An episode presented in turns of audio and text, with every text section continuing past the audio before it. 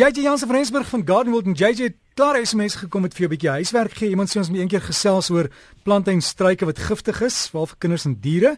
En dan het iemand 'n probleem, lyk my geel vlekke of ietsie op hulle varkore en die ander persoon sê my pampoene as hulle klein is, steek iets hulle en dan vrot hulle. Môre môre Derek, hoe gaan dit vandag?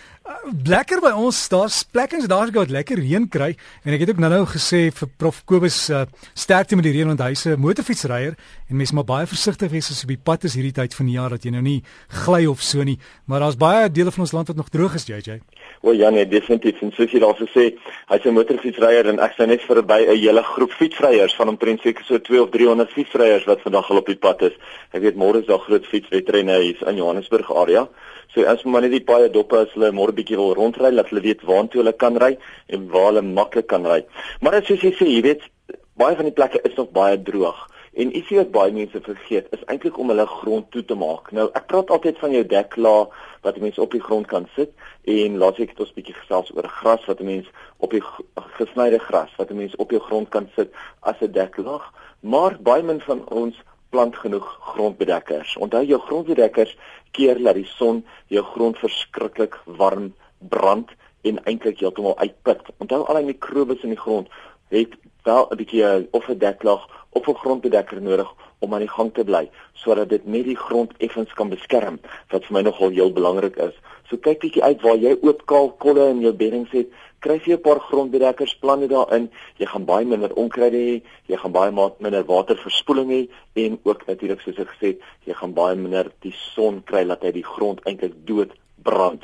Baie ouens gaan elke week en draai hulle net die grond, draai hulle die grond en soos jy die grond elke week draai, brand hy eintlik daai grond dood. En mense moet pas op om dit eerder nie te doen nie, om eerder te probeer om hom vol grondbedekkers te plant, dan hoef jy nie daai grond te draai nie. Jy het net gepraat van die pampoene wat gesteek word. Ja, ongelukkig is daar sommer pampoenvlee wat mense kry sodra daai pampoen uh blomme eintlik daar so is. So mense moet uh, ietsie gebruik teen die pampoenvlee. Uh Malathion is 'n baie ou bekende ene wat ons gebruik teen die pampoenvlee.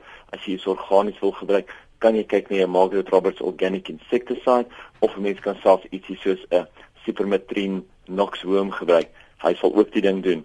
Die tweede vraag wat jy gehad het was oor die geel vlekke op die varkore. Hm. Ja, en, en dit sal Ja, JJ, ek dink wat daarmee saamgaan ook is baie van die blaartjies is amper as hulle toekrul boontoe, né?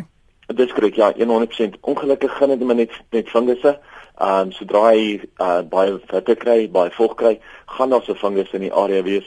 So mens moet maar spuit teen jou fungusse en jy kan maar na jou nasoek kry toe gaan. Ek hou daarvan om 'n sistemiese fungusdoder, 'n tenazol is 'n baie goeie om te gebruik. Funginex is 'n baie goeie om te gebruik en ook Orius uh Tenazol, Funginex en Orius. Enigiets van daai drie kan 'n mens gebruik jou plante met hulle spuit. Hy word deur die plante opgeneem en dan behoort jou blare weer baie mooi gevorm te wees, soos jy sê, hy behoort nie toegerol toegerol te wees nie en jy behoort nie van daai geel vlekke te kry nie. Wat was die derde vraag wat jy gehad het? Uh iemand het net gesê ons op 'n volgende geleentheid JJ gesels oor giftige plante vir kinders o. en diere. Definitief. Ons kan definitief daarna kyk.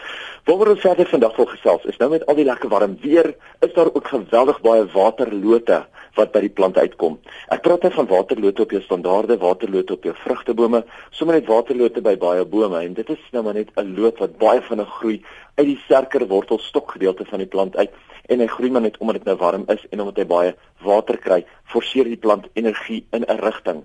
So die beste is natuurlik om daai waterlote eintlik af te breek en hulle nie af te sny nie. So gaan eerder deur en breek daai waterlote af want dan inhibeer jy die groei. Sodra jy hom sny, gaan jy eintlik jou groei promoveer. So kom ons probeer om hom net af te breek. En so gepraat van snoei. Hierdie tyd van jaar met al die ekstra groei wat op die plante is, is daar geweldig baie struike en plante wat net uitermate groot groei. Mense wag altyd tot in die winter om dit te snoei, want jy jy sê altyd jy mag net in die winter snoei. Maar as jy dit nie nou gedurende die somer bietjie gaan terugsny en bietjie onder beheer gaan hou nie, gaan jou tuin baie maklik kan oorgroei. As jy nou bijvoorbeeld kyk na jou standaarde, as jy kyk nou na high-end plante, enigiets van daai aard, mens moet hulle gereeld snoei om hulle eintlik in vorm te hou, want as jy hulle gaan los, gaan hulle net uitermate groot groei en gaan jy 'n probleem hê. So maak seker dat jy nou eerder gereeld sny, al doen jy dit elke 2 of 3 weke, want hoe meer gereeld mense na jou plante en struike terugsny, hoe digter gaan hulle word. Baie keer kry mense dit ook dat baie van jou rankplante baie hoog in bome en so aan opgroei. En mense weet nie daarvan nie totdat die plante begin blom. Veral nou oor die somermaande wanneer meeste van jou rankplante mooi blom, kyk bietjie watter van daai rankplante het eintlik nou al begin oorneem en sny hulle terug bring hulle weer terug laat hulle eerder korter sterker bosseriger plante word as wat hulle baie swaar aan al jou bome ophang en dan gaan jy kry dat jou bome se takke eintlik te swaar gaan word ons is nou in die somer en ons begin nou meer en meer in die blomtyd van meeste van ons plante in beweeg en dit is nou wat 'n mens moet seker maak dat jou plante genoeg kalium het ek praat altyd van die verskillende kunsmisse wat 'n mens moet gebruik so hierdie tyd van die jaar kan mens ietsie gebruik wat hoog is in kalium. Dit is die laaste nommertjie op die sak. So 'n 315 sal baie goed werk. 'n 615 sal baie goed werk. Enigiets van daai aard wat hoog is aan die einde gaan baie meer van jou uh blomme promoveer. En dan die laaste enetjie vir die dag is baie ouens wat nou sukkel met die digte skaduwee, uh wat graag 'n tipe van 'n grassaad wil saai, gaan kyk bietjie uit vir die Falcon grassaad. Dis 'n baie goeie produk om te gebruik. Hy kan tot en met 80% se skade weer vat en vol son. So gaan kyk wie jy uitvol. Jy het net gepraat van Advanced Seeds wat ons borg is. Hulle is toevallig die verskaffer ook van die van die Falcon saad. Praat bietjie met jou um met jou naaste kwekery en hoor of hulle nie vir jou dit in die hande kan kry nie. So JJ en dan as mense jou wil kontak, het jy besonderhede? Jep, hulle sal kom vir my e-pos te stuur na jj@gardenworld, jj@gardenworld.co.za. Ek kom nie altyd by al die e-posse uit nie, so as jy vir my 'n rukkie terug gevra gevra het wat ek jou nog nie geantwoord het nie, stuur hom. Ek is nou op datum, ek kan vir jou antwoord. So gesels ons met JJ Jansen van Rensburg, hy's van Gardenworld. Hulle webtuis is gardenworld.co.za en hulle is ook op Facebook as Gardenworld Nursery. Soek hulle maar net daar.